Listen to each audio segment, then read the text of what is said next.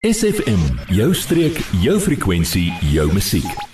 Dit is nou so 11 minute net na 10 is tyd vir ons mediese inset soos elke Woensdag en ons gesels vanoggend met Gerda Visagie van Hartenbos Apteek. Gerda, goeiemôre, welkom by ons. Goeiemôre Mark goeiemôre aan al die luisteraars. Nou vandag fokus ons ek vroeër genoem het op emosionele gesondheid. Nou Gerda, ons konsentreer in 2022 meer op emosionele gesondheid en vanoggend gesels ons oor ouers wat sukkel om er om hul 'n Peter, kleuter of tiener te dissiplineer. Dis reg, maak en die rede daarvoor is omdat ek in die afgelope 3 weke met 3 mammas te doen gehad het wat basies vir hulp kom vra omdat hulle emosioneel uh amper uh 'n ineenstorting gekry het omdat ja. hulle kan op 'n daaglikse basis nie meer die kleuter of die Peter hanteer of die tiener hanteer nie. En die ouderdom het regtig gewissel van 2 jaar tot en met 10 jaar. Nou voordat 'n mens oorgaan na die dissipline, is dit verskriklik belangrik dat 'n mens eers na die ankers in 'n kind se lewe moet kyk. Uh en een ook vir die die rede hoekom hierdie ding so swaar op my hart uh, rus is omdat die een spesifieke mamma is besig om haar in 'n depressie te verval want sy is alleen mamma sy isoleer haarself sosiaal wat dan nou op die einde van die dag tot depressie lei want 'n mens is nie 'n eiland nie jy ja, ja. moet in 'n sosiale gemeenskap kan opereer. So die eerste anker in 'n kind se lewe voordat jy hom dissiplineer en dit moet op baie klein vlak al begin. Die kind moet die versekering hê dat jy hom wil hê. En dit gebeur al in die baarmoeder. Ehm um, Die tweede een is ons is hier vir jou.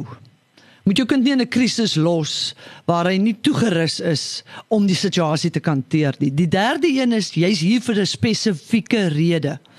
So vertel vir jou kind van kleins af dat die Here hom hier op aarde geplaas het ter ter uitbreiding van sy koninkryk. Laat hy weet hy's hier met 'n doel. Moet nooit jou kinders, ag, moet nooit jou bekommernisse oor die toekoms teenoor jou kinders uitspreek nie. Onthou hulle is emosioneel nie opgewasse om dit ja, ja. te kan hanteer nie. Aanvaar jou kind se foute. Baie belangrik, kinders sny ouers uit hulle lewe omdat dit nie 'n veilige plek is om foute te maak nie. En dan die laaste een is moenie vir jou kind 'n valse idee gee dat die wêreld om hom of haar draai of laat hy altyd bo aan die lys van die sosiale gemeenskap moet wees nie want hulle gaan daai tipe kind tree as 'n volwassene soos 'n baba op wanneer hy nie die middelpunt van belangstelling is nie. Dit gebeur baie met ouers want jy het hy prentjie in jou jou kind. My kind is die beste, ek wil die beste my kind so my kind druk ek hy moet daar wees.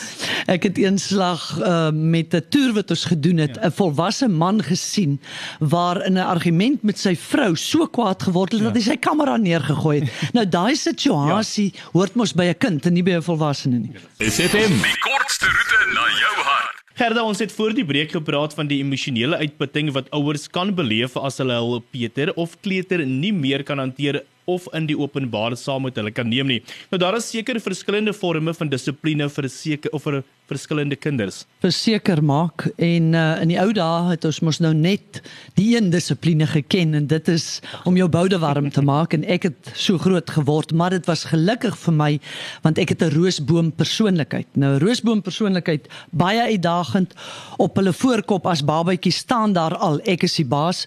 So jy as ouer moet regtig klei beklei vir jou reg as ouer en daarom moet jou autoriteit absoluut onwankelbaar wees in 'n roosboomkind. Uh dan kry jy die palmboom. Ehm uh, hierdie is het die Britse uh, identifikasies van die verskillende persoonlikheid. Nou dis jou kind wat sê if it does not fit in way, it will not fit their life. So alles gaan oor pret en hulle is kinders wat ehm um, hulle hou van tas, so jy moet aan hulle vat. En is maklik om hulle te dissiplineer. Jy vat net hulle sosiale kring weg. Hulle vat hulle maatjies weg. Dan kry jy die denneboom, dis jou stil enetjie, ja. min motivering, baie passief. Jy's die heeltyd besig om te smeek, te stoot en te skree. En ek het so 'n kind in die huis gehad, ontsettend fisies en emosioneel uitputtend, want jy moet die heeltyd motiveer sodat hierdie kind iets moet doen. Maar op dissiplinêre vlak nie 'n uitdaging nie. Baie maklik om te dissiplineer. Dan die laaste enetjie is jou suurboom. Hulle is hypersensitief.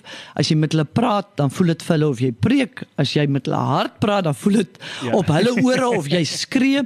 So hulle is emosioneel uitdagende kinders uiters perfeksionisties en sensitief. So jy kan nou dink as jy 'n Hawaii tipe persoonlikheid het in jou kleintjie, het hierdie perfeksionisties en sensitiewe persoonlikheid en hulle weet wat die reëls is. En dan die laaste ding wat ek net wil mee afsluit is daar's 'n gedeelte in die Bybel wat sê uh, 'n kind wat aan homself oorgelaat word, steek sy ouers in die skande. Dit kom uit Spreuke uit. En die rede hoekom hulle sê dat 'n kind wat aan homself oorgelaat word, sy ouers in die skande steek, is omdat jy jou kind in die toestand los waarin hy gebore is.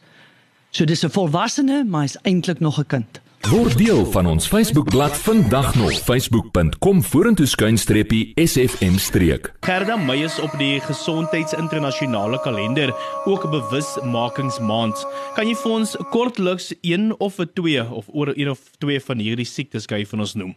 Ja, maar ek gaan sommer die twee algemeenstes wat baie mense al van gehoor het. En die een is lupus, is 'n outoimmuun siekte, en die ander een is Lyme's disease wat deur 'n uh, uh, bosluis veroorsaak word. Nou lupus het hulle nou met navorsing of ons het nou gesê dis outoimmuun. Laat ons miskien net sê wat is 'n outoimmuun siekte? Dit is wanneer die liggaam se immuunstelsel 'n fout maak deur in plaas van om die mikrobe wat jou gaan siek maak aan te val, val hy jou eie weefsel aan. So daar is iets in die meganika en die ehm um, elektronika van die liggaam is iets nie lekker nie.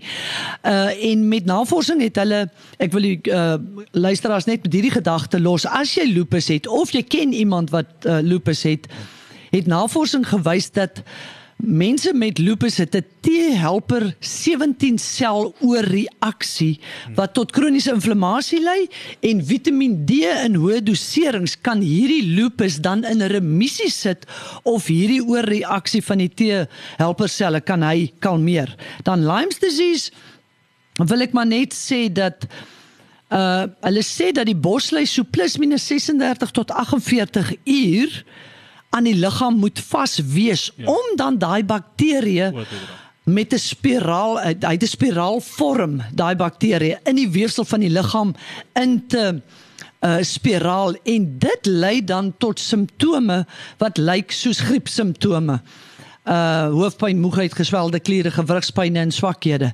Maar wat baie belangrik is, uh wat ek dink wat die luisteraars moet weet is dat dit kan 'n outo dit is nie 'n outoimmuun siekte nie, maar dit kan 'n outoimmuun siekte trigger of hom mimiek naboots.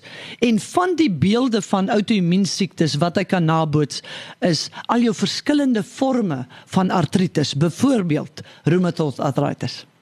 En laastens Gerda, kan jy asseblief net vir ons noem waar kan luisteraars eerstens meer besonderhede kry en dan julle in die hande kry?